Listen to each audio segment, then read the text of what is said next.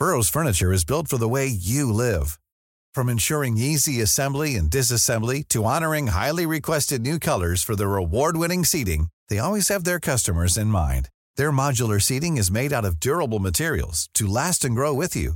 And with Burrow, you always get fast, free shipping. Get up to 60% off during Burrow's Memorial Day sale at burrow.com slash ACAST. That's burrow.com slash ACAST. burrow.com slash ACAST. Hey, Dave. Yeah, Randy. Since we founded Bombus, we've always said our socks, underwear, and T-shirts are super soft. Any new ideas? Maybe sublimely soft. Or disgustingly cozy? Wait, what? I got it. Bombus. Absurdly comfortable essentials for yourself And for those facing homelessness. because one purchased equals one donated. Wow, did we just write an ad? Yes. Bombas. Big comfort for everyone. Go to bombas.com slash ACAST and use code ACAST for 20% off your first purchase. Hi, I'm Daniel, founder of Pretty Litter. Cats and cat owners deserve better than any old fashioned litter. That's why I teamed up with scientists and veterinarians to create Pretty Litter. Its innovative crystal formula has superior odor control and weighs up to 80% less than clay litter. Pretty Litter even monitors health by changing colors to help detect early signs of potential illness. It's the world's smartest kitty litter. Go to prettylitter.com and use code ACAST for 20% off your first order and a free cat toy. Terms and conditions apply. See site for details.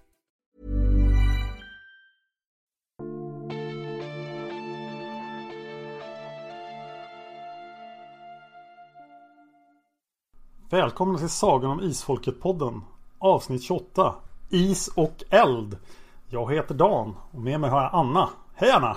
Hej Dan! Hej hej! Okej, vem är is och vem är eld? Jag vet inte, vem är du?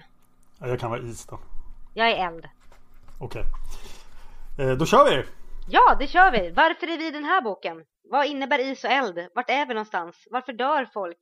Varför har man så ont i hjärtat efter boken är klar?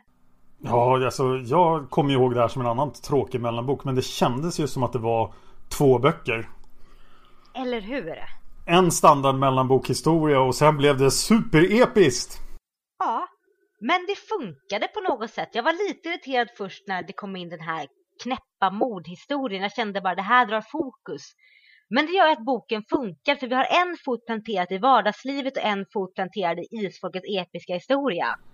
Ja, vi får återigen se isfolket utifrån och det är ju ett perspektiv som Margit har gillat att använda tidigare. Oh ja, definitivt. Men jag, jag grät konstant från att Vinga dog och sen var det bara hela tiden. Ja, jag höll mig faktiskt. Jag lyckades. Jag småsnyftade lite grann där och sen någon gång efter Isfolkets dal då bröt jag bara ihop och det var bara en blöt hög och ingenting var vackert längre. Åh. Men vi börjar från början med Belinda och Signe. Ja, Belinda som är lite, ja, vad är hon egentligen? Eh, Ja, hon är väl lite mm, självförnekande på något sätt. Hon trycker Ja. ner sig själv till hon inte har något självförtroende kvar.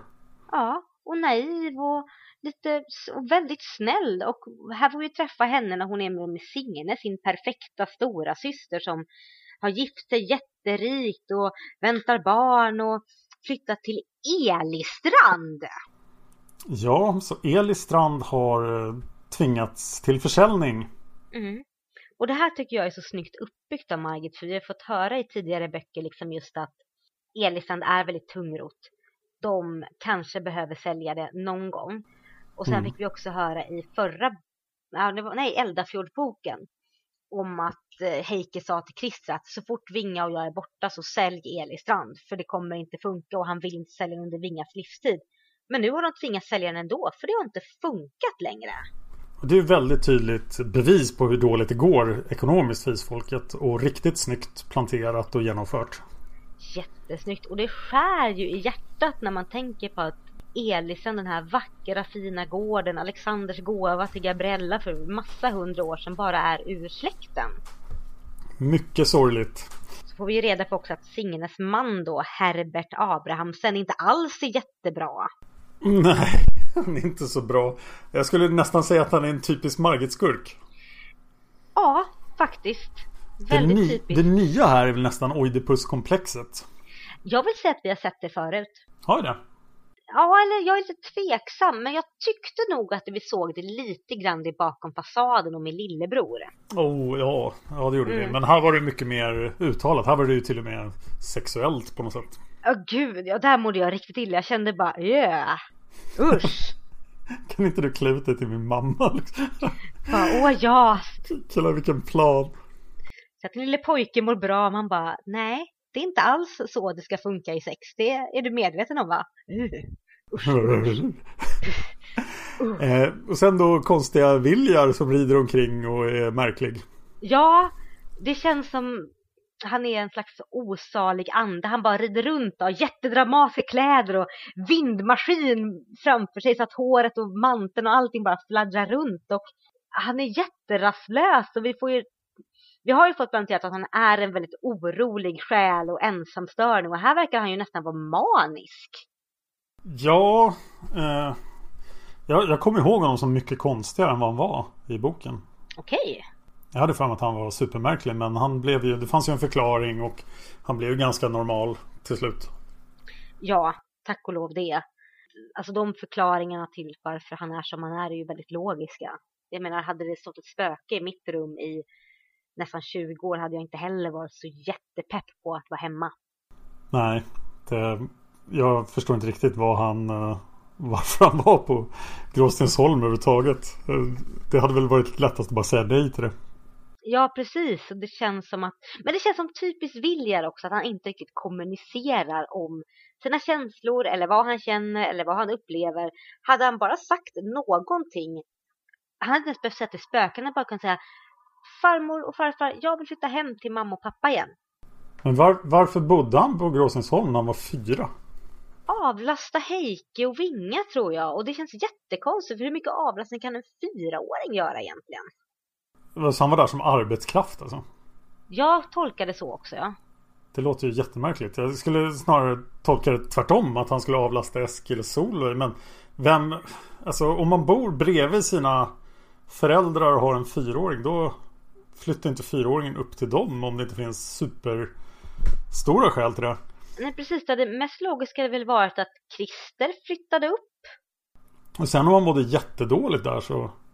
Ja precis, och att Eller att alla flyttade upp och bara drev Lindalen. precis, det hade varit lättare om man arrenderade ut så här, om man arrenderade ut Lindalen och drev Grossens. Jag förstår inte den, den eh, grejen överhuvudtaget. Men jag tänkte att vi ska prata mer om just Gråstensholm och problemet som jag ser med hela den här vandraren lite senare. Ja, jag vill bara inflika att jag saknar verkligen en person som jag hittade ett omnämnande av i den här boken. Oh, okej. Och det var Lill-Jolin. Ja, just det. Solveigs son. Han, de nämnde någon gång att han bodde kvar i socknen typ. Och jag tror att i förra boken fick man reda på att han gifte sig. Ja, just det. Han gift med någon flicka och eh, det fanns ingen annan arvinge så han flyttade dit. Jag kände bara, men vad fan! Men han var Så liksom aldrig med. Han var inte med på Heikes begravning. Han var liksom inte med någonstans. Och jag kände det, så jag bara okej, så Shira slösade det klara vattnet på att rädda Liljolin som visade sig vara en total jävla douchebag som inte ens var någon mer relevans för sagan. Jag bara, vad händer här? Han kändes otroligt bortglömd den här boken. Ja, alltså det mest logiska om de hade behövt avlastning var väl, men Jolin, Heike räddade faktiskt sitt liv, kan inte du flytta upp och hjälpa dem lite grann? Ja, han måste ha varit lite mer användbar än en fyraåring. Precis, och visst att han hade kanske en gård med sin nya fru, men alltså det är väl mer logiskt om Lill-Jolin bor på Gråsensholm med sin fru och hjälper till där. Och sedan så kan de flytta ner till Lindalen, för där har ju bevisligen flera generationer kunnat bo ihop innan. Förstår ja, om de hade sån himla brist på folk också så är det konstigt att han inte var inblandad mera. Det känns som Margit skrev ut honom i sagan för det skulle bli så väldigt tydligt att isfolket var så väldigt ensamma. Ja, på något sätt. Han skulle väl ha varit för användbar. Ja, jag menar hade de haft honom så hade ju inte Viljar hamnat på Grossensholm. De hade haft det mycket lättare, kunnat avlasta varandra. Men nu känns det som att det bara skulle vara den här typiska kärnfamiljen kvar. Ja, jag tyckte Solveig också blev en icke-person i boken. Men hon var ju faktiskt med några gånger i alla fall. Men hon gjorde ju ingenting. Nej, ingenting riktigt vettigt alls. Och till och med Eskil var ju bara okej nu har jag haft mitt stora äventyr. Nu blir jag en icke-person också. Ja men precis, till och med om vi tittar på de tidigare böckerna. Eh, till och med Brand och de, liksom Brand och Ara och alla de hade ju mer personligt än vad Eskil fick. För så fort han flyttade till Lindalen så gick han upp i någon slags svart hål. Ja, och eh, han hade ju någon slags relation till Tula och sådär, alltså som vän. Och, men han säger aldrig ett ord till henne. Nej, precis. Det känns som att men så fort han gifte sig så spelade ingenting annat någon roll längre. Nej. Det var, det var lite konstigt faktiskt. Med tanke på hur, hur mycket vi har fått återse folk som Gunilla och Erland tidigare och så. Mm.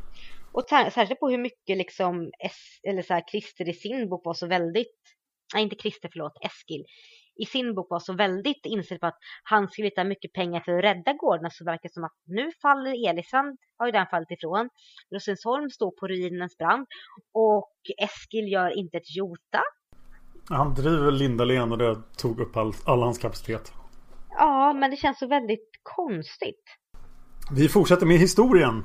Ja, för vad händer då? Signe då, den älskade systern till Belinda, hon dör. Ja, hon blir Laura Palmer i den här boken lite grann. Hon mm. dör i början och sen hittar man hennes dagbok och... Ja, precis. Vi får ju ta tillbaka det där som du sa i förra avsnittet om att folk inte behöver dö i barnsäng. För här behöver folk dö i barnsäng tydligen. Ja, ja men det är ju bra att någon gjorde det. Precis. eller, ja, väl, eller, eller. Eller. eller. Och sen så, oh, gud. Vad ska vi börja med? Den här Herbert Abrahamsen som typ vill ligga med Belinda, ber om hennes hand. Sen blir det någon slags barnjungfru slash kammarpiga slash allt i allo. Men Belinda hamnar i alla fall på Elistrand som någon slags tjänare. Ja, och då måste vi kanske tala om Herberts mamma. Jag vill inte... Nej, hon känns ju som en schablon och hon är ju verkligen den onda svärmodern. På alla ja, sätt. Men en lite udda detalj att de onda svärmare vi har sett innan, till exempel i bakom fasaden, har ju varit väldigt så här flärd och glamour och varit måna om liksom att de ska hålla liksom ett, så här, en bra fin fasad. Mamma Tilda är ju bara sipp och tråkig och riktigt överjävlig. Ja, så skvallret han påminner lite om Livs svärmor tycker jag. Där sa du någonting faktiskt spot on. Men hon är ju en riktigt, eh, alltså Herbert är ju klassisk Margit-skurk, Tilda är ju klassisk Margit-skurk. Det går ju inte att komma ifrån.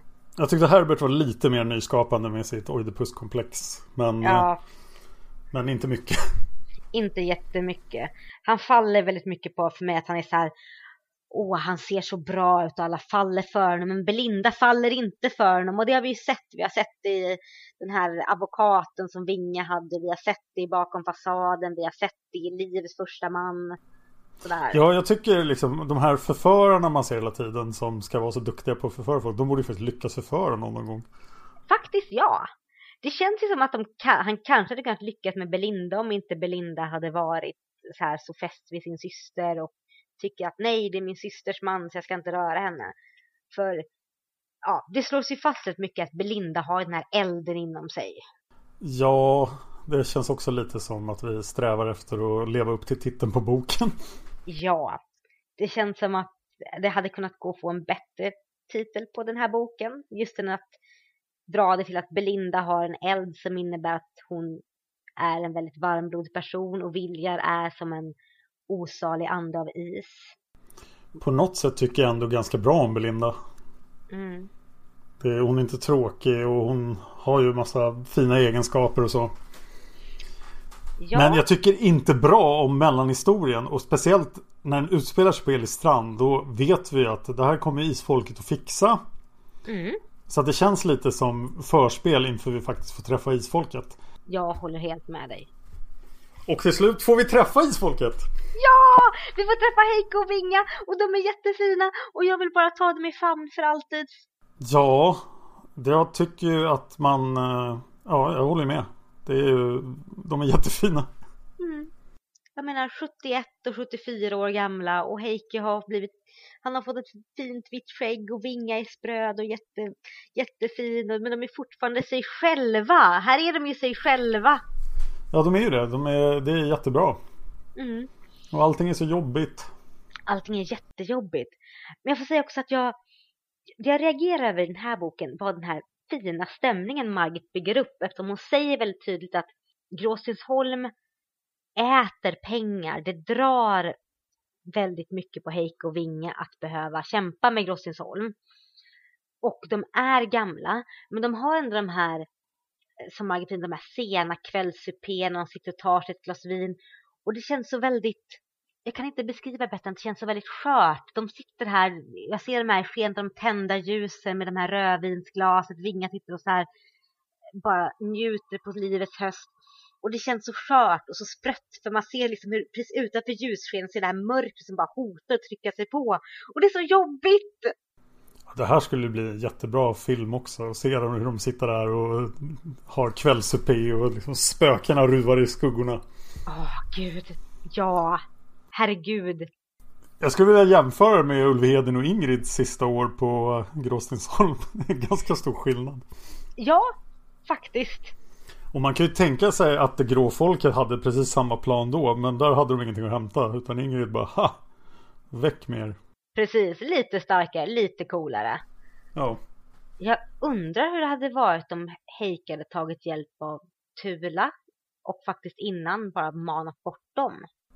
Ja, det hade ju varit den korrekta lösningen för de borde ha klarat av det. De borde ha klarat av det definitivt. Särskilt hur Tula utvecklas i den här boken så känns det som att hon kanske borde ha klarat det ensam till och med. Och speciellt som Ingrid klarade det ensam så... Ja, det känns överlag som att de, det är en tanke jag fick i den här boken också när jag läste, att de kvinnliga häxorna verkar ha mycket mer, eh, både mer kontroll över sina krafter och mindre skrupler över att använda dem än de manliga häxmästarna. Det var en intressant iakttagelse. Mm. Men vi tänker till exempel Sol hade väldigt mycket kontroll över sina krafter. Eh, ja. Och tvekar inte alls att använda dem. Samma sak med Ingrid. Samma sak med Tula nu här. Uh, Ulf, He Ulf Hedin var lite, han, han är ett gränsfall men, eller nej han är inte ett gränsfall, han satt instängd på Elistrand i typ tio år och gjorde ingenting. Ja, uh, Hanna är väl ett exempel också. Hanna definitivt. Så här, så att det känns som att jag tror Tur hade klarat det själv. Men å andra sidan, jag tycker om den här sköra, fina, sorgliga stämningen som byggs upp och när vi märker också att det grå folket de, de har inte rent mjöl i påsen nu alltså, det blir jobbigt. Nej, och så fort vi är med isfolket så är det en jättebra historia tycker jag. Den är väldigt bra berättad och stämningsfull. Men i den här boken så har vi ju flera episka dödsfall. Mm. Så därför ska vi tala om de icke-episka dödsfallen. De som ja. dör i första paragraferna. Ja, och det är Erland. Ja. Mm. Och det är Gunilla. Åh. Och det är Thomas. Nej, det trodde jag nästan vi skulle få se en scen på i alla fall. Det hade ju blivit en tragisk scen. Eller hur? Särskilt om det var så bra uppbyggt om det mot det i förra boken. Ja, så kunde boken ha börjat kanske. Eller åtminstone ja. ha kommit relativt tidigt. Precis, för Thomas dödsfall, att det sker off-screen känns, det blir en jätteantiklimax för mig på ett sätt. Ja, det här är ändå tre personer som har varit delade huvudpersoner i böcker. Alltså, jag tycker inte om att vi, de dör så lättvindigt folk i de början av böcker de dör väldigt lättvindigt och det är jobbigt. Det mm. med till exempel Arv som dog av i förra boken, det tog jag väldigt hårt. Men nu liksom Erland, Gunilla och Thomas, det kändes så här, nu, blir det, nu är det tufft, det är jobbigt. Ja, det är jättetrist. Så nu tar vi en tyst minut de tre. Nej, det gör vi inte. Det skulle det bli en dålig podd. Jättedålig podd, tystnad. Men vi kan i alla fall eh, önska oss att vi kanske kan få en liten fanfiction om de här tre personernas sista ögonblick. Hade varit trevligt.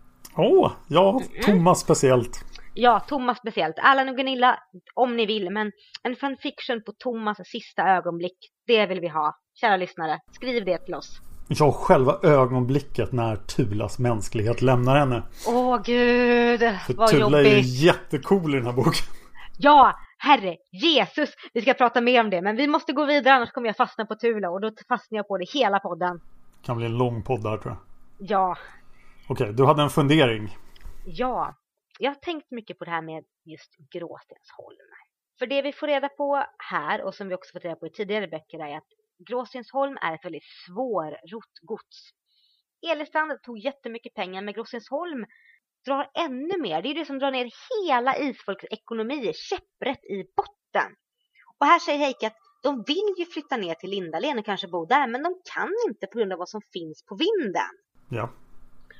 Och då känner jag så här att Hade det inte gått att Heike hade kunnat få ta vad som finns på vinden, flytta det till Lindalen och sen låtit det vara? Jag tror faktiskt att eh, förfäderna skulle säga emot här. För att vi ser ju att Heike ju faktiskt beger sig till dalen. Och om man nu hade... Vi vet vad som finns på vinden, eller hur nu? Ja, det vet ja. vi. Eh, om man hade haft Siljes dagbok. Ja, i och för sig. Det hade ju hänt precis samma sak, hade det inte det? Både ja och nej, men jag tänker att om... Om, de hade, om Heike hade fått ta Siljes dagbok ner till Lindalen kanske alltså för, nu tänker jag inte att det hade behövt ske nu, men jag tänker att det kanske skett för, alltså, alltså tidigare, tio år bakåt i tiden. Ja. Och de har flyttat ner till Lindalen och sedan hade de ställt det på Lindalens vind. Och så hade det liksom magiska skyddet funnits där. Liksom att förfäderna bara, okej, okay, du får flytta på det. Du kommer inte kunna öppna det här skrinet eller dagboken. Vi säger till typ, vi håller det. Du mm. flyttar det. Det ligger på Lindalen och så rör du inte. De hade ju kunnat, alltså de hade sluppit så mycket ångest och lidande och jobbigheter. Nu tänker jag främst på Heiko och Vinga som sliter med det här ekonomiska oket. Och undrar, vad tänker förfäderna på? De ser ju att det håller på att gå åt helvete. De vet ju detta. Vad är det som är så viktigt med dagboken? För där står den exakta platsen som ja. Tengilnonde är på. Och... Men det vet de ju. De vet ju den. Nej, det kanske vi inte vet faktiskt. De kommer ju bara fram till den här punkten som man vaktar. Men sen vet vi inte hur långt bakom där som den här platsen är. Är det sant? Fast varför skulle Sol ha kommit längre fram när hon var liten? För att hon var ett barn tänker jag. Ja, så att uh, Tengilonde var så här, oj vad nära hon kom. Ja, alltså jag tänker att hon var ett barn och Sol var ju inte helt och hållet god heller. Nej, det särskilt skulle inte när hon, Särskilt inte när hon var barn. Vi vet att hon dödade av folk i dalen. Okej, vi får köpa det och gå vidare. Ja, men jag är lite kränkt över förfäderna här som bara låter det gå åt helvete. Ja, tyvärr håller ju förfäderna inte riktigt ihop, men det har jag gnällt över förut. Ja. Men här kommer det jobbiga. Dan. Oh. Vinga är jättesjuk. Ja, det är verkligen domedagsstämning där. Man bara oj, hon kommer ju att dö. Hon kommer dö. Men det är så snyggt eh, framställt just. Det passar in i den här sköra stämningen. Att man ser liksom att plötsligt upptäcker Heike att Vinga är inte frisk. Att man ja. ser det liksom i att hon är blek och huden ligger tärd och spänd. Och man känner bara nej, nej, nej, Vinga får inte dö, Vinga får inte dö, det här händer inte, hon kommer leva tills hon blir hundra. Vår Vinga kommer inte dö. Men man vet ju att det kommer bara gå åt helvete. Ja, är inte lite tidigt ändå? Alltså hon är ju av isfolksblod och allting. Ja, alltså isfolket lever ju länge men de är ju bevisligen inte resistenta mot alla former av, de är eller de är ofta resistenta mot farsoter men det här känner jag är någon form av täring eller kanske till och med cancer. 71 är väl en ganska ansenlig ålder också i sammanhanget. Ja, hur gamla blev folk på 1800-talet liksom? De blev nog inte 71. Hur gamla blev tidigare isfolksmänniskor? Gabriella blev 84 Mm. Cecilie blev 91. Åh oh, jävlar, krutgumma. Ja, ska se om jag mm. hittar några mer. Villemo, hur gammal blev Villemo? Född 56. Ja, hon 74. Ja. Ulvhedin eh, blev ju ruskigt gammal. Och Ingrid ja. blev också ruskigt gammal. Ja, vi får köpa det helt enkelt. Mm. Många ja. av de isfolksmedlemmar som har strukit med i tidig ålder har ju dött av sjukdomar. Det är sant. Mm. Sen måste vi tillbaka till den här eh, Herbert-historien. Ja, för det här är ju den här klassiska sidostoryn att Herbert vill ligga med Belinda, Belinda vill inte. Och det är den här som leder fram till den här mordgåtan. Och jag tycker det är så tråkig. Jag tyckte det var lite charmigt att ändå mamma Tilda och Herbert hade olika målsättningar så att de liksom motverkade varandra. Ja, Herbert ville ligga med Belinda. Belinda vill inte att Herbert... Eller Herbert vill ligga med Belinda. Belinda vill inte ligga med Herbert. Mamma Tilda vill inte att hennes älsklingsson ligger med någon. Exakt. Jag håller på att kolla på tv-serien Bates Motel just nu. Och jag fick otroliga vibbar av det. Norman Bates. Spelad av samma kille som spelade Kalle i chokladfabriken. Oh! Ja, som 18-åring då. Han är så otroligt obehaglig. Och så har han den här kontrollerande mamman då. Så att det var lite den relationen. Åh gud, jag kommer inte kunna se Kalle chokladfabriken om jag ser den. Nej, och Arthur och Minimojerna också. Samma kille. Nej men gud. Jag kommer bara, nej släpp inte in dem i chokladfabriken. Det är Norman Bates. ah. Men okej, Belinda hittar dagboken, får reda på att det är eländigt, springer iväg till kyrkogården. Det roliga är att hon får inte reda på hur eländigt det är. För att hon är ju så naiv så hon tror ju att då Herbert bara har gett andra kvinnor kakor istället för att faktiskt vara otrogen mot hennes älskade syster. Ja, ja, Belinda är ju verkligen naiv. Men på något sätt är det ändå lite trovärdigt. Det känns som att hon verkligen är jättenaiv. Ja. Jag tycker liksom att det byggs upp väldigt bra liksom att det sägs att hon är den liksom den minst begåvade i familjen. Hon har behandlat väldigt mycket överkänt sin familj. Så det stämmer bra in att hon är så naiv och inte har koll på världen. Ja, och då kommer hon och träffar Viljar på kyrkogården. Ja, för på kyrkogården träffar man sin älskade. Ja, och här kommer den här härliga historien om Martha och spöket. Ja. Marta? Marta, Kanske. tror jag. Marta. Ja, det lät amerikanskt. Marta heter hon nog. Mm, jag tycker om Marta. Ja. Märta. Marta. Jag har sett att vi inte har fått några uttalningsregler för det här avsnittet. Jag kollade precis. Ja. Eh, Okej, vad säger vi? Mar- Marta. Marta, ja. Eh, att de lägger in historien Marta gör att hela sidostoryn funkar jättebra för mig. För jag tycker den är jättefin. Ja, det är en jättefin anknytning till tidigare böcker. Det är jättesnyggt. Ja. Min fråga är varför inte Heike listat ut att det är Marta som är med i Det grå folkets skara. Varför har inte han kommit på det tidigare? Varför kommer han på det nu? Jag har för mig att han faktiskt listade ut det. Men eh, hon har inte uttryckt den här önskan om att bli räddad. Är det sant? Och den är faktiskt- uttrycker hon just till Viljar av någon anledning. Ja, kanske för att han är mottaglig. Ja, eller kanske för att det går att närma sig honom utan att den hängde märker det. Men eh, om man springer till Heike så märker han det. För han har koll på Heike. Det är faktiskt helt sant. Usch, den hängde är så obehaglig också. Han är jätteläskig. Ja, men alltså Marta, jag tycker det är så fint att det enda hon vill är att komma i vigd jord och faktiskt få vila efter all den här tiden. Jag tycker det är den bästa grejen med den här sidostoryn och just den här sidostoryn när de när Belinda och Vilja försöker ta sig, ta sig ut i skogen också till Martahålet. Ja, det var jättespännande. Ja, jätte, jättespännande. Och där, där blir de för mig trovärdiga. Hela deras kärlekshistoria blir trovärdig för att de delar just den här upplevelsen med Marta och resan till Martahålet. Att vilja öppna upp sig för Belinda och berättar om att det är faktiskt så att det spökar och det har spökat för mig sedan jag var liten. Och det är det som binder oss samman. Det gör allting trovärdigt för mig. Jag kan förlåta allting nästan. Ja, och sen tyckte jag det var en fantastisk miljö. Den här uppdämda flod... Eller åbädden eller vad man ska säga. Forsbädden. Det kändes väldigt speciellt. Med fiskarna Ja. som låg och splattrade och jättebra beskrivet. Ja, verkligen. Jag hade helt glömt bort att de faktiskt gjorde så avancerat att de faktiskt torrlade hela älven. Fantastiskt bra. Jag hade glömt bort hela boken utan att Heike dog. och Tulas öde. Men jag hade för mig att eh, Marta var med någonstans, men jag hade inte koll på att det var i den här boken, så jag blev väldigt glatt överraskad. Ja, Marta-historien är en historia som väl är 18 böcker gammal nu. Så att det är väldigt snyggt ihopknutet. Jättesnyggt.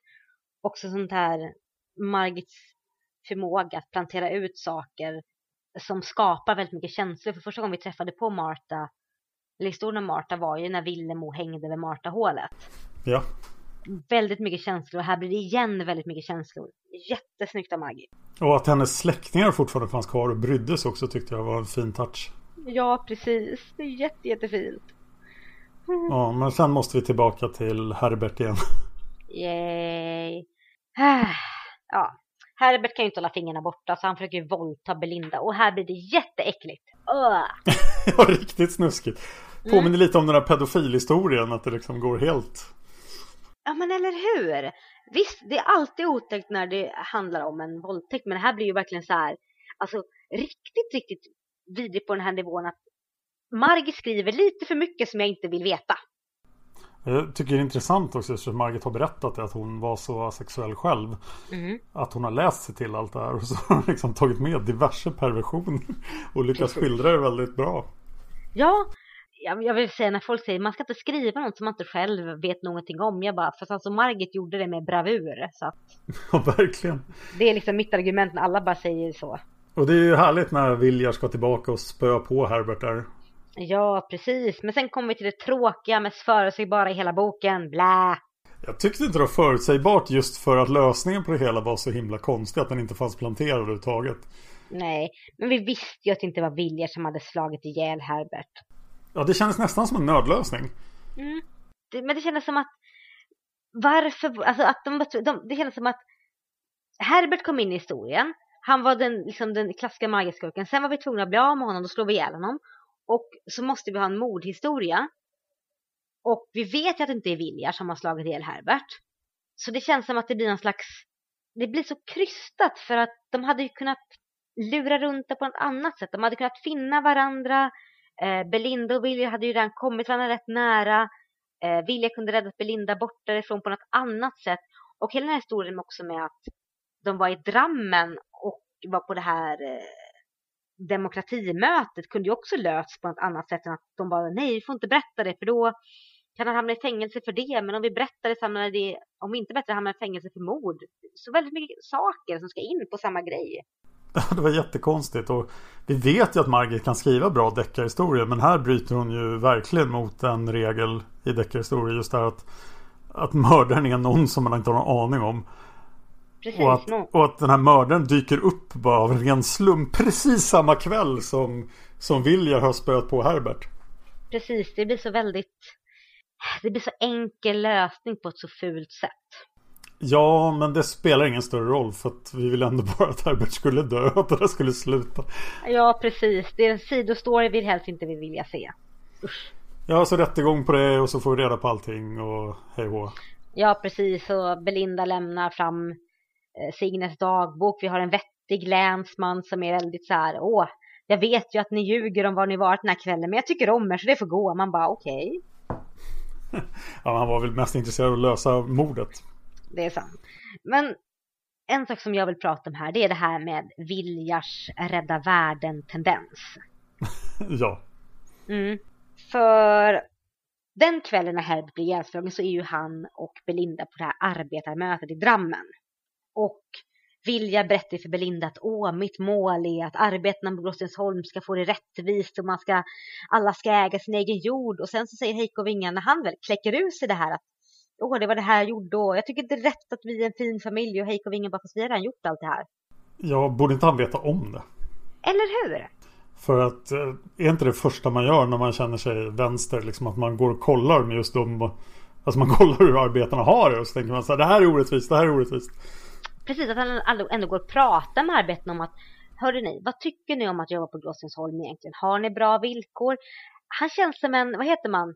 En väldigt världfrånvänd vänsterman. En sån som är så här, jag ska rädda världen och världen bara, alltså världen behöver inte bli räddad. Han bara, tyst nu, jag ska rädda världen. Ja, precis. Ingen säger någonting. Man bara, men alltså du kunde ju kollat. Jag har en gnagande misstanke om att hela den där plotten mm. kommer ifrån att Margit vill skildra lite historia och hon vill nämna Björnstjerne Björnsen. Oh. Eftersom det är hennes släkting. Som hon är jättestolt över. Han dyker upp överallt när hon pratar. Åh gud, är det hennes släkting? Ah. Ja, så att eh, jag, jag, tror att det hela var okej, okay, William måste ha någon slags hemlighet så att han går konstig. Och det här var ju ungefär när Björnstjerne Björnsson höll igång, så nu kör vi. Ja, alltså det förklarar ju så mycket. Jag hade inte koll på att det var Margits släkting, men det förklarar ju jättemycket. Det är min teori i alla fall. Ja, för det förklarar ju väldigt mycket. Men jag är väldigt trött på Vilja att han kommer ska vara den här världsfrånvända vänstermannen som vill rädda världen men inte har koll på vad världen faktiskt vill och behöver. Men nu är vi nära att boken faktiskt börjar bli bra. Precis. Åh. Så är det någonting mer vi måste prata om innan vi lämnar det här bakom oss och tar itu med Isfolksagan? Jag tror inte det. Belinda och Viljas kärlekshistoria, den är lite udda men den funkar för mig tycker jag. Ja, på slutet var jag bara, men Viljar, skärp dig! Precis! Hon är jättebra! Ta henne! Belinda är ju en jättefin människa. Viljar är en jättefin människa. De behöver varandra, så. End han, är, han är ju lite väl korkad när han pratar med Vinga där och bara, vem ska jag gifta mig med? Och så. Vem ska jag ta? Så hur många kvinnor finns i mitt liv? Så en!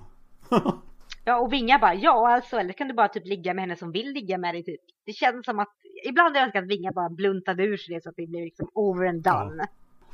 Ja, ja okej. Okay. Men jag tror vi har klarat in i det sista. Ja, fina, fina, fina Vinge. Men ja, Ja, nu måste Vinga dö. nu måste Vinga dö. Han har ett fint samtal med sin farmor. Ja. Sen så... Åh, jag kan inte läsa. Jag sitter med boken, jag kan inte läsa. Jag börjar gråta igen. Fan också. Det är jättesorgligt. Ja, Och Ah. när hon minns eh, barndomsåren på Elis strand och så här, uh. ja precis så. Jättefint och... Och mitt i allt detta när Heike står där ensam så kommer ju Tula. Ja, då har han ju redan hunnit bli lite tokig själv. Och så kommer liksom galenskapen själv dit. Precis. En Tula med helt gula ögon. Det är ju så här bara motherfucker nu har det verkligen brakat lös här. Fully powered Tula. Ja, jättedåligt. Och det är jättejobbigt. Och det har ju planterats så bra innan att i både förra boken och den här att när Thomas dör så kommer ju den sista länken Tula har till mätning att brista och alltså det är ju kört nu. Det är ju kört. Ja, hon är fantastiskt cool i den här boken. Jag gillar Ja. henne jättemycket. Jag älskar henne. Jag vill se mer av henne. Jag vill bara ha mer av Tula. Och det är första gången jag säger att jag vill ha mer av en ond, ond drabbad för hon är inte snäll. Hon är inte god. Nej, men hon är ändå på rätt sida på något sätt. Så att hon är... Hon är som sol på steroider här. Känns det som. Hon bränner upp en människa. Ja, det är jättebra. Ja, det är det. Men hon gör det så väldigt så här. Äh, vad ska ni göra? Den här, hela den här. Vad, ska- vad ska ni göra mot mig egentligen attityden som är så otroligt läskig. Och det här har vi inte sett någon kunna göra förut heller. Nej. Så att hon verkar ju jättemäktig. Närmast jag tänker på är ju Sol som faktiskt kunde få folk att göra sig illa. Och jag för mig att hon kunde bränna upp saker lite grann. Men det här är ju på en helt annan nivå. Ja, det här är verkligen Avada Kedavra. Mm. Med bonusar. Med bonusar. Man bara, vad händer? Vart tog hon vägen? Bara, "Åh, jag vet inte. Bara, där ligger ju hennes brås i en hög av aska. Man bara, ah! Whoops. Självantändning. Konstigt. Självantändning, hoppsan sa. Men nu kommer det igång här. Nu ska Heike ge sig av. Det är han ska på sin sista quest. Precis, nu ska han utrota Tengil den onde för nu är det fan i mig nog.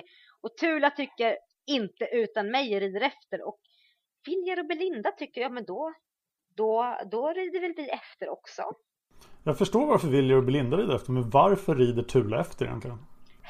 Ja du. Det känns nästan som att så här, oj, det här var en jättecool idé. Jag vill också vara med. Men lite så. Det är inte, inget äventyr utan mig. Tada! Jag funderar på om det kan vara så för att för Tula är nu Heiken enda ordet att hon faktiskt håller sig kvar i både livet och också inte går in på Gråsensholm. Ja, hon verkar ju faktiskt ha en länk kvar till verkligheten. Ja, och jag tror att den länken är Heike. Och dit han går måste hon gå också. Ja, och sen tror jag verkligen att hon tycker att det här är för roligt för att missa.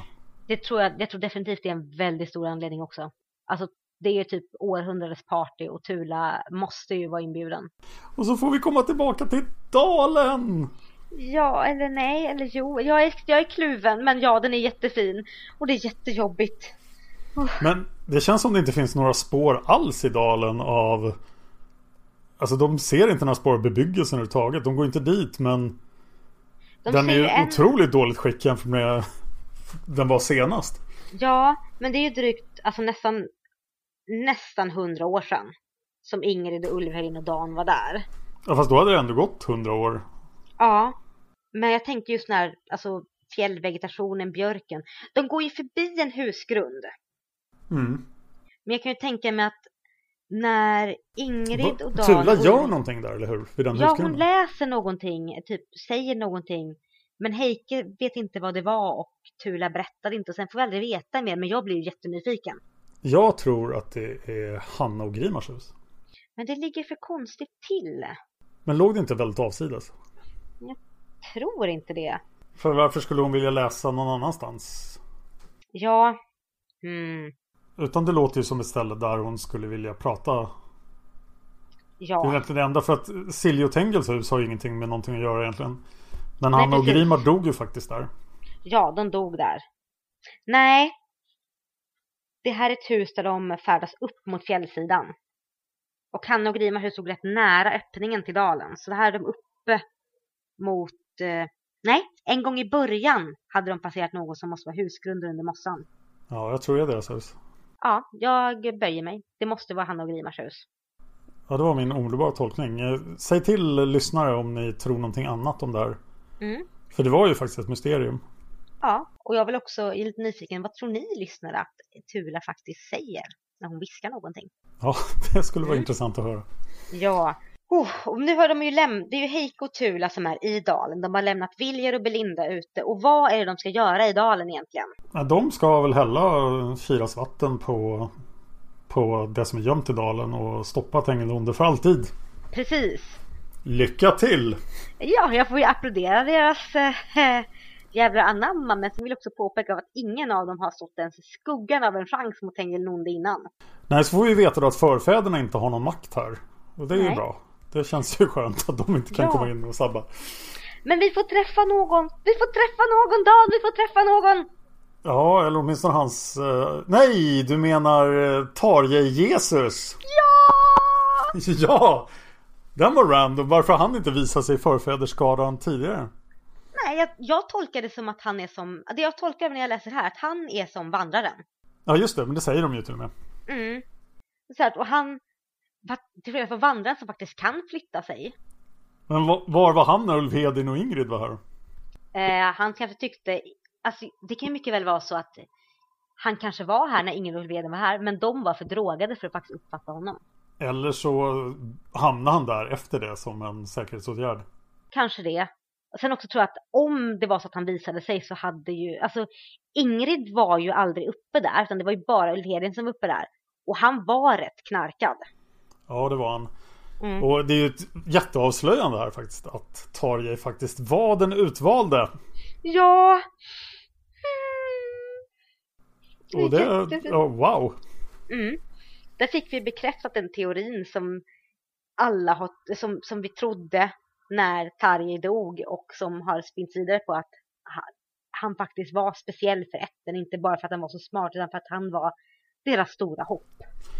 Och det får ju mig att undra hur hade Tarjei varit om han hade haft en massa magiska krafter?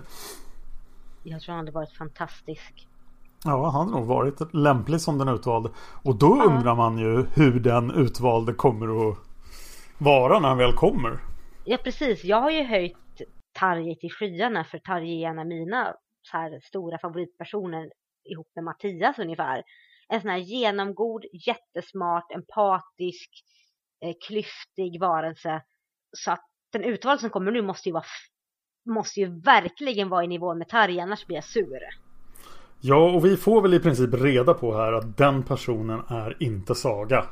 Mm. Men Saga är utvald, men hon är utvald till någonting annat. Precis, Precis. som eh, de tre små grisarna var utvalda till att stoppa Ulf Hedin. Ja, som Tarjei säger, det kommer en ny. Men Saga är ju redan född. Precis, så att vi måste vänta lite till. Precis, åh det är jobbigt. Eh, Jag tycker att det här är Tengil den ondes bästa insats i sagan hittills. Här är han riktigt otäck. Han har varit otäck tidigare när, han, när, de inte, när man inte har fått reda på någonting om honom. Han bara varit läskig i bakgrunden. Men här är han ju faktiskt mitt framför dem. I alla fall i sin andeform. Och han är... Han fungerar jättebra som den onda superskurken här. Jag håller med dig helt. Här är han alltså riktigt jobbig. Det är som du vet när man sitter på kvällen ibland och ser någonting i ögonvrån och man vet att det inte är någonting där när man vänder sig om. Men så vänder man sig om lite för snabbt en gång och så är man rädd att det faktiskt ska vara där. Och det är den känslan jag får, där det här krypande ondskefulla som bara vet glider närmare. Och där man inte vet om man ska blunda för att ta bort det eller om man bara ska faktiskt våga stirra på det. Han- är ju fantastiskt passiv men det funkar ändå för att han är så läskig. Ja, och just att det är natt och man ser allting i den här månskenet och och när Heiko och Tula håller på med sina besvärjelser, de lägger ut skatten och de så här, har de här örterna utlagda och Tula med sina trollsånger och alltså det är fantastiskt. Jag kan ju klaga lite på att det känns inte riktigt som samma person. Burrow's furniture is built for the way you live. From ensuring easy assembly and disassembly to honoring highly requested new colors for their award-winning seating, they always have their customers in mind. Their modular seating is made out of durable materials to last and grow with you. And with Burrow, you always get fast, free shipping. Get up to 60% off during Burrow's Memorial Day sale at burrow.com slash ACAST. That's burrow.com slash ACAST. burrow.com slash ACAST. Millions of people have lost weight with personalized plans from Noom, like Evan, who can't stand salads and still lost 50 pounds. Salads, generally, for most people, are the easy button, right? For me, that wasn't an option. I never really was a salad guy. That's just not who I am. But Noom worked for me. Get your personalized plan today at Noom.com. Real Noom user compensated to provide their story. In four weeks, the typical Noom user can expect to lose one to two pounds per week. Individual results may vary.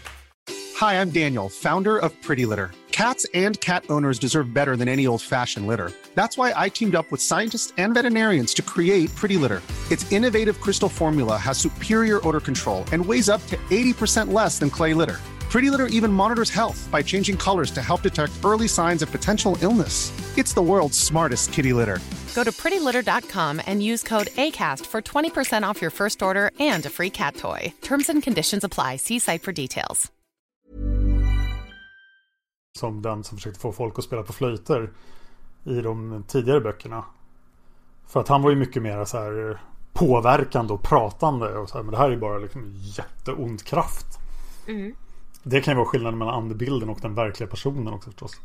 Ja, jag upplever att där han var, om vi ser på hur han var i Ängen med dolda horn, där han var ju sån här som du säger, spela på flöjten, tula annars så får du stryk.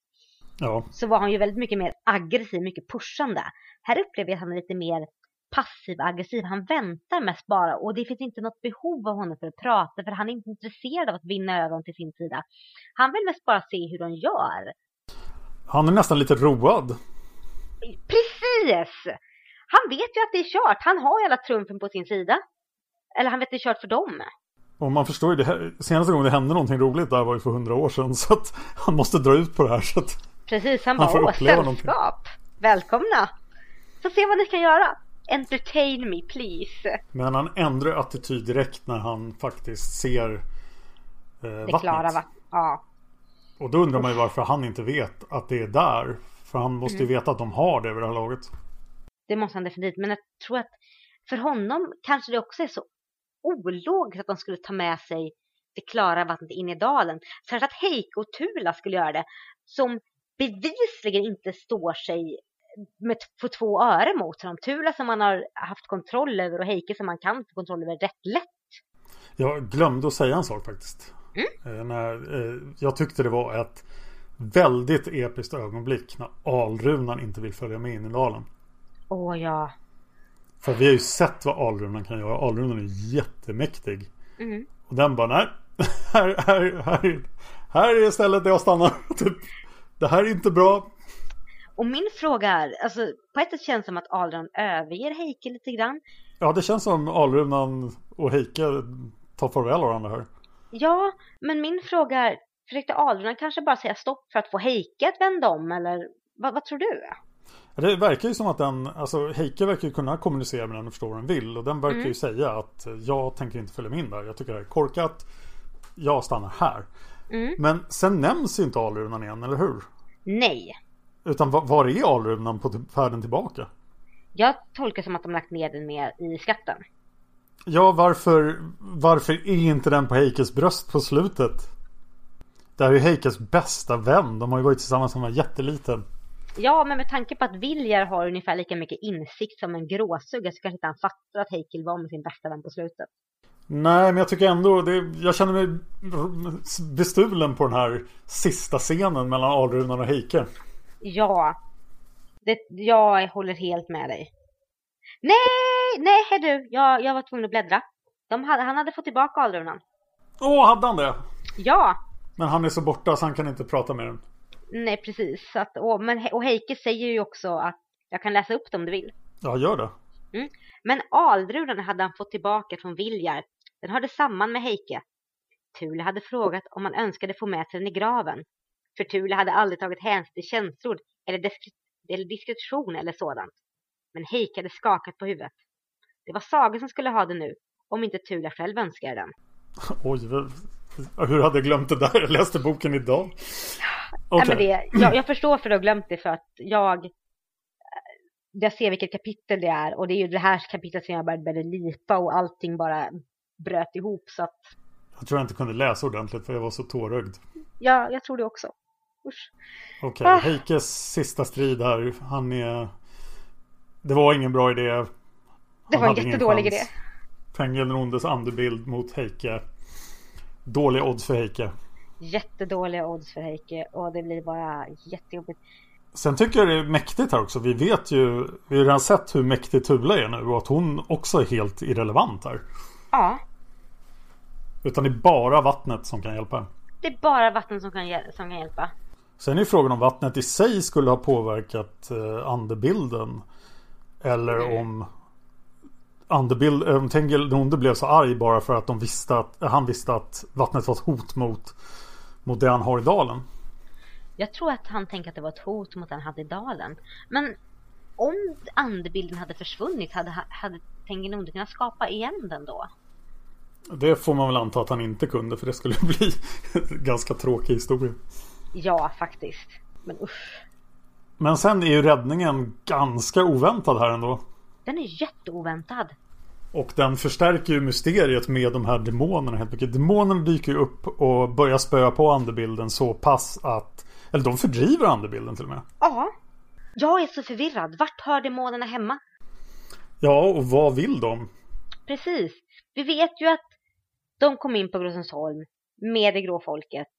De är knutna till Tula på ett, eller Tula är deras. De är Tulas på något sätt, något sexuellt sätt. Ja, det verkar ju vara mycket djupare än så faktiskt. Precis, för här är de ju bevisligen i dalen och ger sig på Tengil den onde.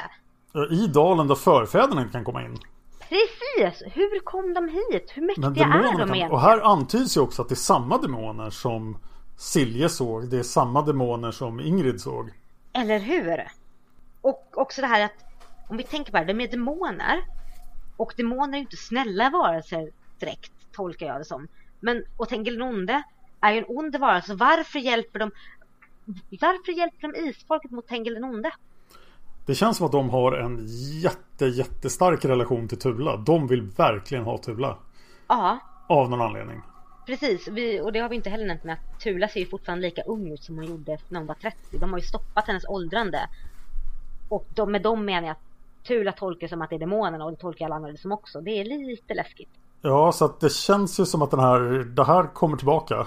Men det är jätteoväntat. Jag hade helt glömt bort att det var de som steppade in och räddade Heike och Tula. Ja, och det, det fungerade. Jag tyckte det var jättebra. Ja, en och man blir ju verkligen, grej. verkligen eh, fundersam. Så här, vad vill de och eh, vad kommer de att göra sen? Precis, vad, kom, vad kan de göra mer? Och varför har de inte gjort någonting tidigare? Vad väntar de på? Ja, de väntade väl på att Tula skulle vara redo. Ja. Uh. Så att de är ju väldigt så här, respektfulla mot henne. Jätterespektfulla. Och det känns ju inte som att det är något tvång inblandat heller för att Tula verkar ju tycka att det här är en jättebra idé också. Precis. Oh, och sen, sen är det här jobbiga kapitlet där det stod om Algernon och jag förstår, alltså jag är tårögd nu. Heikes dödsfärd. Ja. Mm. Ska jag försöka läsa den? Ja.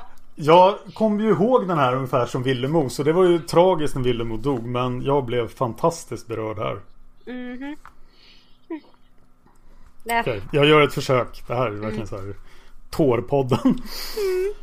På färdens sista dag, innan de ännu fått Gråstensholmssocken i sikte, ropade Belinda från vagnen. Stanna, jag tror Heike behöver hjälp. Allesammans samlade sig ängsligt omkring honom. Tula tog snabbt fram läkemedlen. Sätt honom upp så han får luft. Heike såg dem matt, hörde deras röster i ett avlägset fjärran. Varför hade de stannat här? De var ju snart hemma. Och så många människor vid vägkanten, stående i nyfallen snö. Hans färdkamrater gled undan som i en dimma. De främmande kom närmare. De log vänligt mot honom. Välkommen Heiko och visfolket, sa en man som han kände väl. Vi har väntat på dig länge. Tengil gode, sa Heiko och lyste upp. Och min vän vandraren och Dida och Ingrid och Hedin, Villemo, Trond och Sol här är ni alla. Det här är en stor dag för oss, sa vandraren och tog hans händer. Ingen kan vara mer välkommen än du. Heike såg Kira och Mar, han såg Tarje igen och en djup glädje fyllde honom. De hälsade honom som en länge saknad vän. Förundrad såg han ner på sin, över sin kropp. Händerna, hållningen, kläderna, allt tillhörde en ung man. Så som alla de andra barn i sin krafts bästa dagar. Han kände att hans långa liv hade varit rikt. Men nu började ett annat, lika rikt, minst. Åh, vad jobbigt. Och här fungerar ju förfäderna som bäst också. Ja, de fungerar jättebra. Och det är Jag jättefint. önskar de hade varit mer mystiska i tidigare böcker. Ja, Men här är de på topp. Det här är helt fantastiskt. ja. Och sen får jag säga också att just den här scenen gör att det kanske förlåter förfäderna väldigt mycket för att den varit så närvarande i Heikes liv tidigare. För här blir det så tydligt vad de har betytt för honom, vad han har betytt för isfolket och också hur lycklig han är för att faktiskt få komma, säga, komma hem. Och det är nästan konstigt att det är så sorgligt för att det är uppenbart att vi kommer att få träffa honom igen. Att Ja. han inte är ute ur historien utan han har ju blivit en förfäder nu. Förfader. Så nästa person som kan interagera med förfäderna kommer ju att träffa Heike. Men jag tror att det är för att det varit så, det är så mycket. Och för att det var så oväntat. Jag, hade, jag ville att Heike skulle få dö hemma i sin säng. Men det här är ändå inte det mest episka utan jag tycker det mest episka i den här boken Det är när Tula går in på Gråsensholm och försvinner. Ja, Jag tycker det är jättebra. det är jätte, jättebra. Det är så liksom Wow! Och det är så oväntat. Att vi inte får reda på någonting. Det bara lämnas här. Att hon, hon blir aldrig mer sedd. Och hon är ju inte död. Vi vet ju att hon inte är död. Utan hon snarare är hon eh, Hon har ju potentialen att bli supergammal. Precis. Men hon bara att, eh, försvinner. Det är ju inte omöjligt att hon kommer tillbaka. I, I levande skick. Ja. Men det är så mystiskt. Det är bara så här, hon försvinner. Och det här vill man ju verkligen veta mer om. Men vilken exit från historien. Ja. Riktigt snyggt. Det är jättejobbigt. För igen som man har den här sorgen över Heike. Blandat med att ja, men han kommer ju komma tillbaka förhoppningsvis. Och sen den här chocken att Tula bara försvinner. Ja. Det är snyggt skrivet. Ja, det är, det är inte många sidor emellan. Det är verkligen... Här försvinner ju allt ur historien. De här... Alla människor jag följt de senaste boken. Vi, vi har följt Heike i jättemånga böcker nu. Ja. Och, men han försvinner ju inte själv utan alla försvinner. Vinga och Tula och, och kvar har vi då Ja, någon slags bottenskrap från isfolket. Tyvärr Lite måste så. jag säga. Ja. Det går inte att beskriva på ett annat sätt faktiskt. Med ett lysande undantag. Saga! Vi vet att vi har en utvald. Hurra! Och Ja. här får vi också veta kanske vad den utvalda lite grann behöver göra. Ja, det vet jag inte än. Nej, det är sant. Men, vi får Men- gå igenom slutet på boken nu innan vi ska gå vidare och prata om Heike lite mer. Ja. Vad händer? Ja, de... Ja, just det. Viljar vill ju eh, ta, ja, gå in på Gråsensholm då. Nej, nu är jag som är chef på Gråsensholm. Och det går inte. För det är inte Viljar som är chef för Gråsensholm. Nej, och det är världens mest oväntade plot twist här till gråfolket bara Surprise! We were super evil all the time! Fuck you Gård! Vi tar över! Så oväntat. Eller inte. Ja, och det skänker ju cred till Ingrid som ju faktiskt lyckades fördriva dem. Men hon hade vettet att göra det innan hon dog. Ja, och så känner jag också den här grejen. Här, här, här är min lilla, lilla inpass, mitt sista lilla nålstick mot Heike. Som inte berättades någonting för Viljar om det grå folket för nu det här året. Mm, Att ja. de inte hade koll på att, alltså visst det grå folket hade förmodligen ändå varit, ändå hållit sig kvar. Men just det att de missar, att Heike inte sa att jag måste föras ut i min kista från Gråstensholm. Eh, ja. Mm. jag, jag tyckte det var jättebra planterat också eftersom vi fick reda på redan när de tog fram gråfolket att Ingrid hade haft problem med dem. Mm. Att hon faktiskt hade fördrivit dem. Ja. Och också att det planteras i den här boken att de har fått lite problem med det grå folket. Att den hängande mannen är, han ler lite elakt och man bara ah gud! Heike, ta bort dem, bränn dem, eldkastare, någonting. Men det är verkligen supernattsvart på slutet då. Att är liksom vi... Ja, vi har kvar Lindalen. Elistrand är borta. Gråsensholm som blir ett spökslott. I alla fall glad att de kunde ta ner alla möbler och husdjur och allting. Ja, Gråsensholm är ju riktigt så här att ingen kan riva det. Det bara står där i superläskigt spökslott. Ja, och men om vi tänker på det ända sedan till Silje och Tengels dagar har isfolket haft Skånsesholm. Och det är en, två, tre, fyra, fem, sex, sju, åtta, nio generationer har isfolket suttit i Göteborgsholm. Ja, vad skulle Charlotte Maiden säga? Åh gud. Åh vad hemskt. Så där får du inte säga. Men jag tycker slutet är ganska bra också. Att det liksom finns ingen Ingen trailer för nästa bok. Det nämns ingenting om det utan det är bara mörkret hade fallit över isfolket. Punkt. Ja. Och det är så här, det är det jag kände när jag läste ut den boken. Jag kände bara, nej men allting är mörker, mörker, nattsvart. Ingenting är vackert längre. Mm. Men det finns en utvald, yes! Ja, vi har i alla fall någonting. Med bottenskrapet finns en utvald, hurra! Men du, men du Dan. Jag tänkte vi skulle prata lite grann om Heike. Det är klart vi måste göra det. Mm -mm. För du och jag, vi sågade ju Heike så hårt när vi började läsa de här tio böckerna där han var med. Ja. Så nu har vi läst igenom de tio böckerna. Hur tycker du det har funkat med Heike som närvarande person, både huvudperson och biroll i tio böcker? Ja, det, det är ju märkligt för jag vet inte hur många gånger jag läst igenom Isfolket ens, men jag har alltid tyckt att Heike var gubben i lådan, Heike kom och räddade alla. Och det, det kanske i och för sig jag fortfarande kan hålla med om att han har tryckt ner alla andra på något sätt utom Tula just för att han alltid fanns där som en räddande ängel.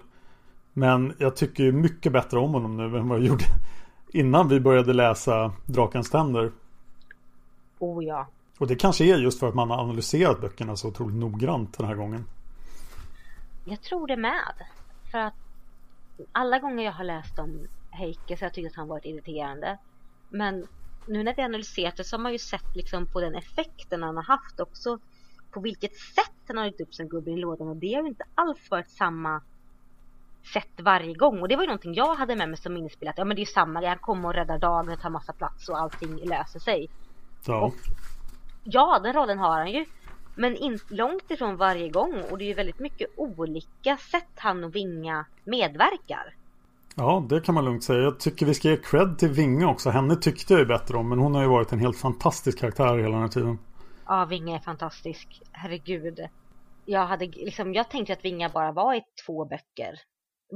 Demoner, Jungfrun och Våroffer, men oj, oj vad hon har växt i de andra böckerna. Och i den här sista boken var det ju bara jobbigt hur mycket jag tyckte om henne. Ja, vi har följt Vinga i sju böcker. Det är ju mer än vad vi får följa de flesta. Det är inte så många som har varit med så länge. Nej, definitivt inte. Och eh, jag, jag, tyckte ju huset i Eldafjord var riktigt dålig. Ja. Och, den var ju bottennappet. Ja, och jag tror kanske det var det intrycket som jag hade burit med mig eftersom den ändå kommer rätt sent i Heike-sagan. Mm. Men eh, de flesta andra böcker jag, jag, nästan tenderar att hoppa över då eh, har överraskat mig. Djupt i jorden, om lång svans och den här. Ja, och Vargtimmen också. Vargtimmen tyckte jag var jättebra i. Ja, Heike var bra. Vargtimmen var kanske inte en jättestark bok men det var inte lika eländig som Huset i Eldefjord. Nej, Huset i Eldefjord det förblir ett bottenmärke. Ja, tyvärr. Mm. Jag, jag, jag kom på en sak just det här. För jag tänkte lite grann på om det hade gått att göra annorlunda om man inte haft med Heike som person i tio böcker. Men han är ju den som knyter samman den här hyfsat splittrade perioden i isfolkets liv. Ja, det, det är han ju utan mm. tvivel. För att jag, jag sitter här med släktet och tittar och funderar på men hur har Margit gjort annars? Vi har ju ofta haft så här att vissa personer har liksom splittrats upp med och vissa personer har haft sina böcker men då har de ofta varit planterade i samma eh, socken. Till exempel den tidiga generationen så var vi i Gråsensholm socken. Det var där vi var. Ja. Och då var ju den röda tråden Gråstensholm, Lindalen och senare Elistrand. I de här böckerna med Heike så är ju Heike den röda tråden som gör att det funkar att hoppa från Sverige med vargtimmen till Norge, till Eldafjord, till Ytterheden och till eh, Växjö. Ja. Jag, jag har lite svårt att se hur det hade kunnat funka utan honom. Vad tror du? Jag tror inte det hade funkat utan honom och på något sätt är jag ändå glad nu att han fick ta så mycket utrymme. Det kunde kanske ha varit en eller två böcker mindre. Men det här är nästan första gången vi har följt en person från födseln till döden i ett långt liv. Där han har tillåtits att vara i fokus hela tiden. Så att han inte blir en parodi på sig själv som Ulf Hedin blev till exempel. Åh oh, gud, tio år sitta på Elistrand, inte okej. Okay. Ja, och, och Tengil den gode träffade vi ändå när halva hans liv hade gått. Mm. Så det är ingen som har tillåtits att ta så mycket plats och förvaltat det så väl som Heike har gjort. Nej. Och där vi också fått följa hans, eh, hans resa med alla trauman från då det här som gått igenom hans klaustrofobi som vi vet kommer för att han satt i buren som liten till då hans långa kamp mot sitt onda arv som blommar upp då till exempel i Eldafjord när han såg då den här Terje som var jättelik hans far. De grejerna hade ju varit helt bortkastade om vi inte fått följa honom från födseln. Ja, och sen det kommer ju folk senare i böckerna som får ta så här mycket utrymme. Men jag tycker nog inte att de förvaltas lika bra som karaktärer. Nej. Utan det här, ja, det är ju en, jag förstår varför det finns så många som betraktar Heike som sin favoritkaraktär i Isfolksagan. Han är inte min, men eh, jag förstår dem nu mycket bättre än vad jag gjorde tidigare. Samma här, han är inte min favoritkaraktär heller. Men han har klättrat upp några pinnhål på min lista med favoritkaraktärer. Det har han gjort. Ja, och han är ändå inte liksom exakt som någon annan heller. Utan Nej. han är verkligen Han är Heike och han är en viktig del av sagan. Mm. Och ja, jag tror vi kommer att få se honom en hel del igen. Ja, och jag ser lite fram emot det. Faktiskt. Ja, oj, verkligen. Mer än någon annan honom. tidigare. Ja, jag saknar honom redan liksom. Och jag tror också Heike kommer att lämpa sig bättre som förfader än, än de andra. För jag tycker att de andra förändrar sin karaktär så mycket. Alltså Sol blir en clown. Tengil de Gode blir så himla allvarlig. Ulvedin är bara en maningsmaskin. precis som Mar. Ja, precis. Shira är bara jättegod. Ja, Niklas får inte gnälla när han är förfader. Ja. Så han Trond, inte sig själv. Trond bara pratar om hur han dog hela tiden. Och jag tror att Heike kan som person passa ganska bra in i den här förfadersrollen och, och tillåtas också vara då fortfarande samma karaktär. Ja, jag tror, som, som säger, och vi lär känna Heike som, inte bara som drabbad utan också människa. Ja. Så vila i frid Heike skulle jag vilja säga, men det vet vi att han inte får. Nej, sagan är ju långt ifrån slut och han har säkert massa att göra på förfadersfronten. Precis. Uh. Oj! Ja. Ja, vi är över en timme redan och vi har mera saker att prata om. Ja, precis. Ska vi ta lite fel och missar först? Mm, det kan vi göra. Mm. För det här tycker jag är lite roligt nämligen. För den här boken Is och eld, den hör till böckerna som jag inte har i min samling. Oj, vad gjorde du då?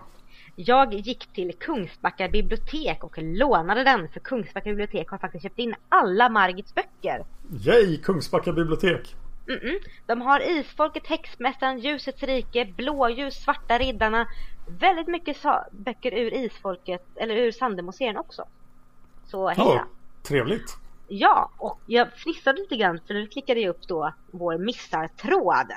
Ja. Och där säger Sol Angelica säger så här. Enkelt hittade min första miss på sidan, 100, på sidan 25. Herbert säger till Belinda. Din far och jag har diskuterat situationen. Och vi har bestämt att inte tala mer än giftermål förrän du själv har fått, fått bo på Grossensholm ett tid. Och Sol Angelica svarar ju. Men Herbert bor ju på Elistrand. Uh, ja. Och det här är roligt just med mitt exemplar från biblioteket. För där har någon strykit över Gråstensholm på samma sida med en bläckpenna, gjort en pil ut till kanten och skrivit Elestrand med arga bokstäver. Charmigt. Så kan man rätta till ett fel som finns i boken fortfarande. Och det här är en gammal, eller det här är en rätt ny upplaga också, den här boken jag sitter och håller i. Den är från 2002. Ja. Mm. Jag tror att uh, det här faktiskt pekar på en annan sak. Okay. Att eh, vi glömde att prata om Belindas föräldrar överhuvudtaget. Men eh, de var så ointressanta. Ja. Så att det kanske inte gör någonting. Definitivt. Eller vad menar du med deras föräldrar? Ja, Belindas föräldrar. Ja. Ja, de nämnde vi aldrig. Nej, men de var så kassa. Jag tyckte det var lite charmigt att de i alla fall höll med Vinga och, och bytte sida. Ja, precis och ville ta hand om sitt lilla barnbarn. Ja, så att... Mm. Eh, ja, eh, sen har vi en till miss här. Mm. Den var man säga, från Liv Hanna. Har tänkt på en sak till i denna bok. Belinda ser inskriptionen över sängen i Villemos gamla rum. Det står störst av allt är kärleken så som Dominique en gång föreslog och Villemos namn. Problemet är att när Villemo flyttade till Sverige med Dominique hade sängen fortfarande inte fått någon inskription. Så hur har den hamnat där sen? Dum, dum, dum. Oj, det är ett jättefel. Hur bedömer vi det? Eh, ja, Rexy har svarat. Just det där med inskriptionen har jag för mig nämnts i en senare bok. Att hon fick ut fingret, satte dit någonting. Va? jag fattar ingenting. Nej, jag förstår inte det heller. Hilda säger att, det så, att hon har läst att det står någonstans i blod som det aldrig blev av. Och sen säger Willem och Kalebsdotter här säger att det är riktigt, det blir aldrig skrivet något citat över min säng. Det blir aldrig skrivet ner. Vad konstigt. Dessutom var det konstigt att eh, att Villemo spökade lite grann där för Belinda. Ja, jättekonstigt. Förfäderna är inte konsekventa. Men där tänker jag så mycket att det kanske inte var eh, så mycket förfäderna som spök eller så mycket förfader Villemo som spökade som avtrycket av att Villemo hade bott på en plats som var lycklig på. Till exempel som Sol spökade uppe på sin gamla plats i slänten där hon träffade på där hon typ visade sig lite grann för Mattias och Hilde och Cecile och Alexander. Ja, jag är beredd att acceptera det. Mm. Men det var de fel vi hade.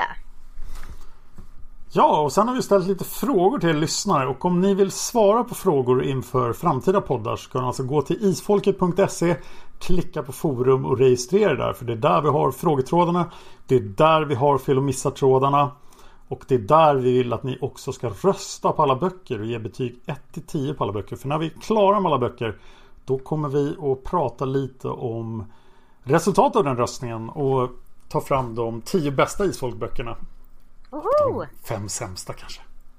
Dum, dum, dum. Ja, då tänkte jag börja med första åsikten som kommer från Tankred. Som skriver så här. Boken är inte min favorit, men som alla böcker har den sin egna charm. Jag lyssnade senast i somras, så mitt minne är kanske lite suddigt. Men jag tyckte att boken var okej, antar jag. Bokens bästa ögonblick? Hmm, svårt eftersom jag inte har så bra minne. Men när Heike berättar om att han hållit Vinge i sin famn och pratat ända tills hon somnade in. Det är väldigt fint och att Heike fick säga hur mycket han älskade henne. Det är en väldigt fin händelse. Nu börjar jag gråta igen. Nej men du Dan, ta det lugnt nu. Fortsätt. Håll ihop. Favoritkaraktär och varför? Ja, inte Herbert Abrahamsen i alla fall. Men kanske Viljar. Och det är mest på grund av att jag bara älskar hans namn och har blåa ögon något som jag bara smälter för. Men han verkar som en mystisk snubbe och vem tycker inte att mystiska killar är intressanta? Något jag tänkt på är att jag kan se alla händelser när jag läser en bok men jag har lite svårt att se detaljerna i ansiktet på karaktärerna. Är det bara jag som har det problemet? Jag vet inte hur någon ser ut, jag kan inte se hur de ser ut. Men omgivningen kan jag se väldigt bra. Men alla bilder jag sett folk rekommenderat är inte mina karaktärer och det är lite tråkigt för att kunna se min version av alla. Och slutligen säger tanken, superbra podd hörni, heja! Ja, jag känner väl att jag ser bilder av karaktärerna. Mm, jag med. Men det kanske är för att vi har plöjt igenom så otroligt många gånger. Så kan det vara. Mm. Nästa kommentar är från fröken Anna-Maria. Det här är en bok som har växt för mig efterhand. Första läsningarna tyckte jag inte den var så intressant. Jag var obehagligt berörd av herr Abrahamsen och hans mamma. Dessutom hade jag hoppats på en kärlekshistoria där kärleken blev mer besvarad. Nu får Belinda längta ensam och Vilja tar till slut henne till sig av barmhärtighet. Men åsikter kan ju förändras. Boken är väldigt mörk i tonen och det bränner till ordentligt när både Heike och Tula förlorar sina livskamrater. De har inga hopp för egen del utan vill istället göra sitt yttersta för att rå på släktens grundproblem. Tengel den onde. Jag har lättare att förstå svarta nu. Jag gillar också att berättelsen knyter an till tidigare böcker på ett sätt som känns naturligt. Sökandet efter Marthas kvarlevor. Siljes målning i kyrkan, den glömde vi att nämna. Oj. Och Isfolkets dal, det tyckte jag var jättefint när Belinda sa men det är ju Heik. Ja precis, så bara nej, det är hans förfader. Fröken Anna-Maria fortsätter. Favorithändelser? När Belinda får komma till Gråsensholm och lära känna isfolket. När de letar efter Marthas kvarlevor. Resan upp till Isfolkets dal. Jag tycker om att det skildras mycket ur Belindas perspektiv. Favoritkaraktär? Jag tycker om Belinda. Hon präglas mer av sitt goda hjärta än av att hon skulle vara svagbegåvad. En god människa helt enkelt. Tur att Vilja till slut inser vilken skatt han har i henne. Och att han börjar älska henne för den hon är. Övriga synpunkter. tycker nog att Heiko Vinga kunde ha berättat för barn och barnbarn om det grå folket. Känns konstigt att de ska vara så hemlighetsfulla när de annars är så öppna mot sin familj. Dessutom har de rika släktingar i Sverige som de borde ha bett om hjälp med det ekonomiska. Men har de verkligen det? Inte alla i Sverige också jättefattiga över det här laget? Christer skulle ta över gamle Molins företag men det smulas ju sönder. Jag skulle säga släktingarna, min uppfattning är att släktingarna i Sverige har pengar. Men inte på det sättet. Nej, Anna-Maria och Kohl har väl inga pengar. De har väl ett vanligt jobb typ. Ja, och med att det är uppbundet i att de har bra bostäder. Ja. Ja, nästa synpunkt kommer från mamma Tova som skriver Boken skapar stämning för Belindas historia. Vad ska hända med den stackars lilla flickan? En riktigt bra bok, spännande och engagerande. Den handlar om mycket. Dels kampen mot Tengilnonde, dels mysromantik, det grå formen, jakten på Martas kvarlevor, Belindas historia, resan till Isfolkets dal och så vidare. Mycket spännande och nästan allt är bra. Ingen wow-upplevelse, men helt klart en läsvärd bok. Fina scener. Och jag citerar.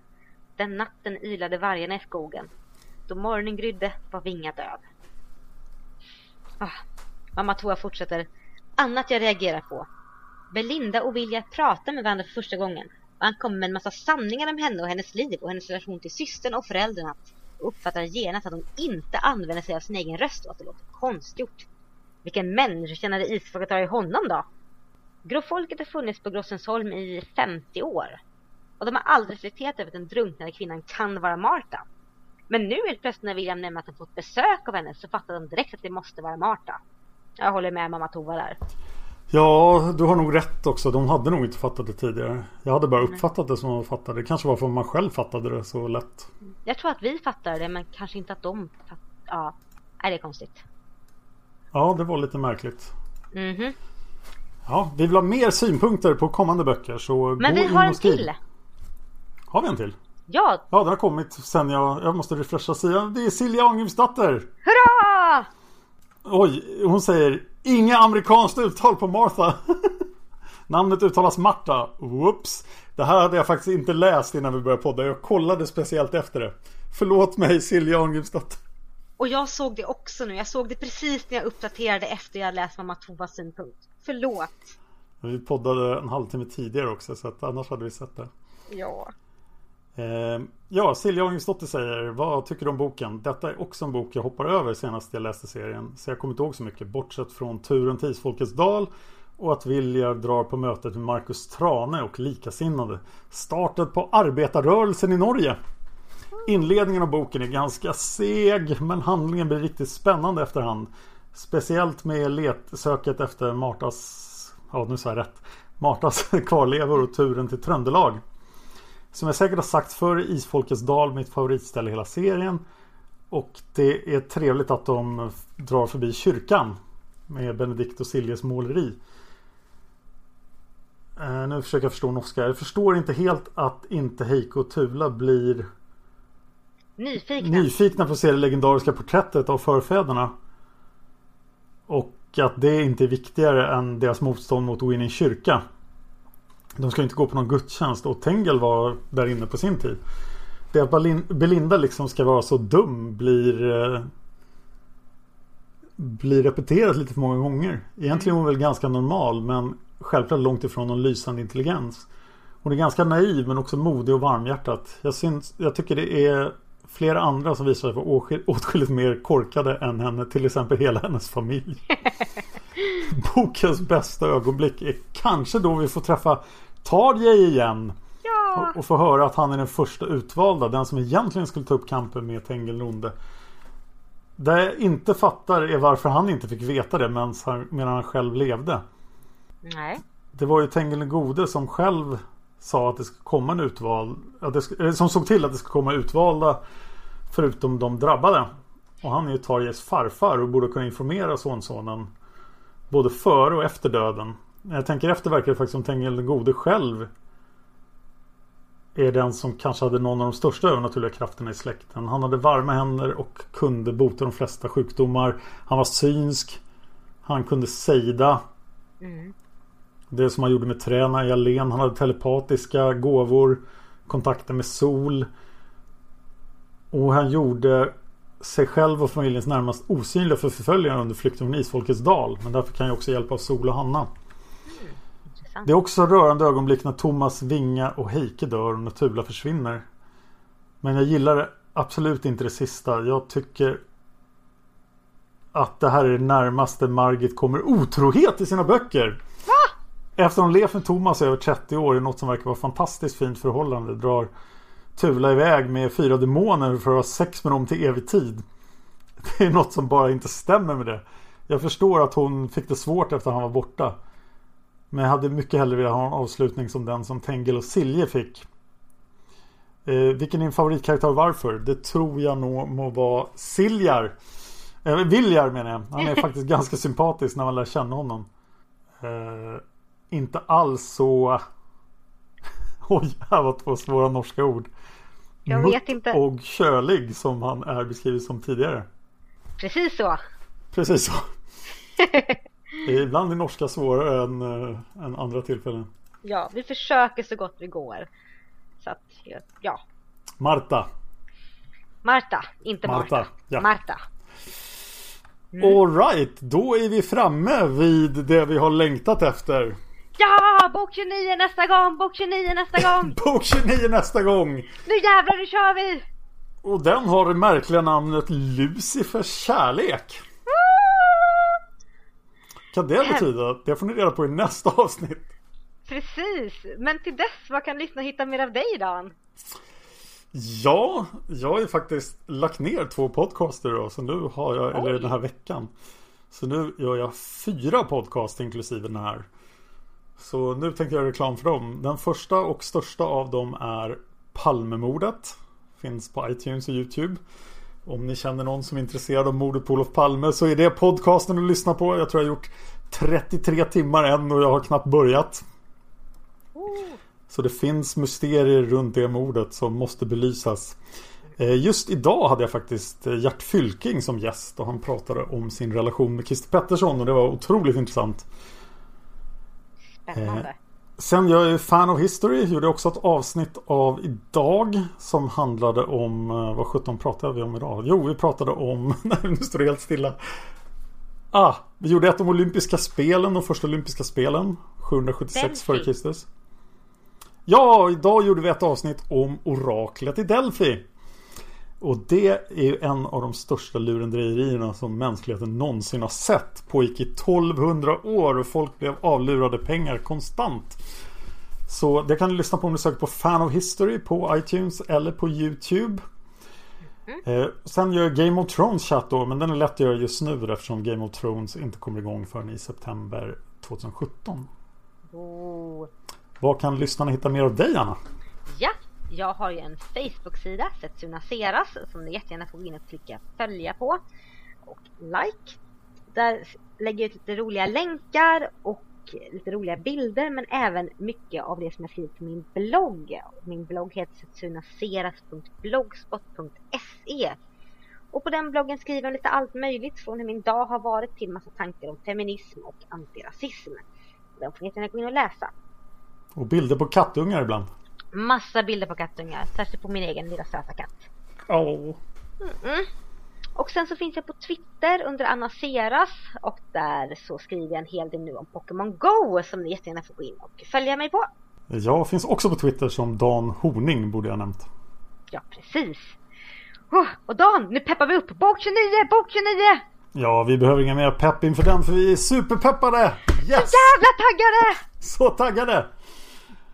Eh, Okej, vi Ja. kör nästa gång. Ja, ha det bra! Hejdå! Hej!